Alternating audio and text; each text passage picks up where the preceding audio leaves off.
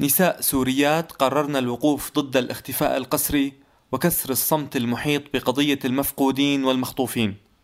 من هنا انطلق قبل أشهر نشاط مجموعة عائلات من أجل الحرية واللي بتجمع سيدات سوريات يعملن على الضغط على النظام السوري وعلى كافة الأطراف الأخرى للكشف عن مصير المعتقلين والمغيبين لديهم.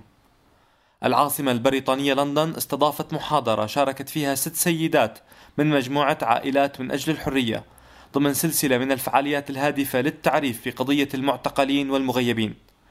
إحدى المشاركات في الحملة من مدينة حماة قدمت شرحا عن الهدف من هذه المجموعة والفكرة من تأسيسها.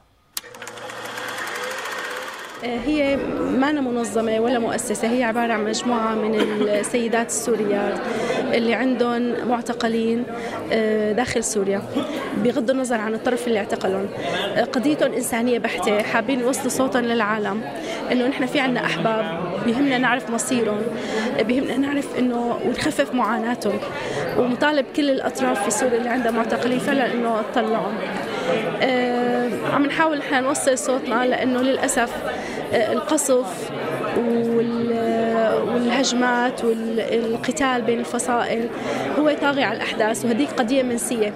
نحن حابين فعلا هي تكون قضية رأي عام آه، للضغط على كل أطراف الصراع بسوريا لحتى يطلعوا المعتقلين آه، ما تربط بأي ملف سياسي أو ملف مفاوضات لأنه هي قضية إنسانية بغض النظر عن أي شيء ثاني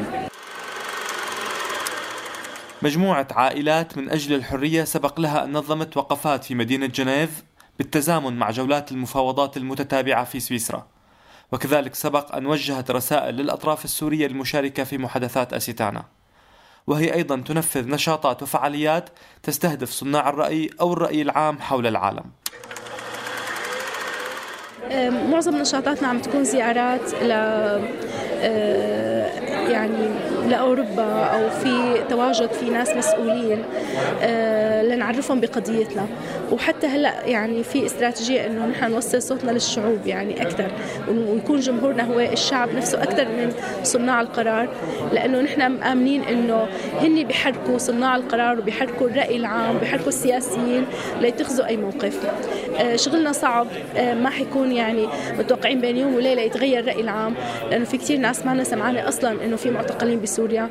وحتى لو سمعانة بقضية المعتقلين بتفكر إنه مثل أي سجن عادي بأوروبا آه، بيسمح له ياكل ويشرب ويعيش مثل اي أي إنسان عادي.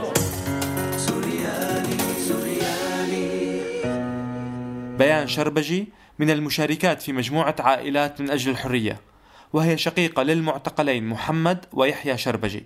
تحدثت أيضا عن أهداف هذه الحملة. إحنا أغلب نشاطاتنا هي آه، آه، هدفها تعريف المجتمع في كل العالم المجتمع الدولي بقضية المعتقلين لأنه هي قضية كثير يعني يعني مو آخذة حقها.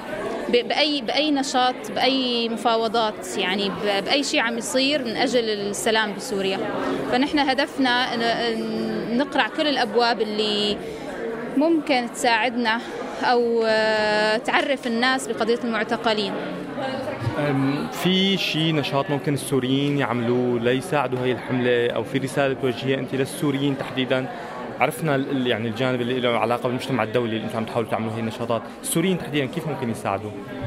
أنا بتمنى يشاركونا يشاركونا النشاطات اللي بنعملها لأنه في كثير ناس يعني آه، يمكن فقدت الأمل ويمكن حقها يعني إنه القصة كثير صارت طويلة. في ناس تقول إيه، ما عاد ما عاد شيء يجيب نتيجة. لا أكيد نحن سكوتنا هو الغلط أكبر غلط إنه نسكت بتمنى إنه كلهم يشاركونا آه، وما حدا يخاف. يعني هو هو نحن مشكلتنا بالأصل هي الخوف بسوريا.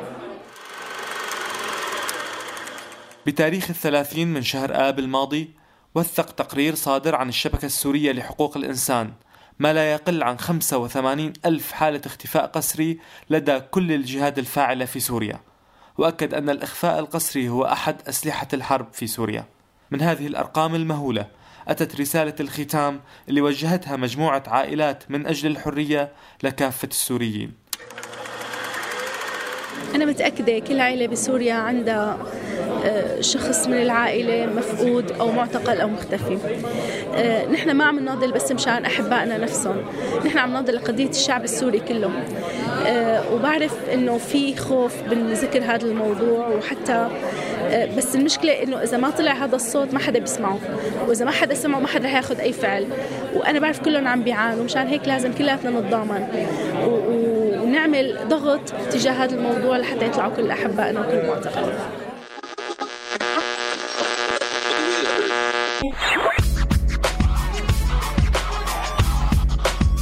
عم تسمعوا راديو سوريالي.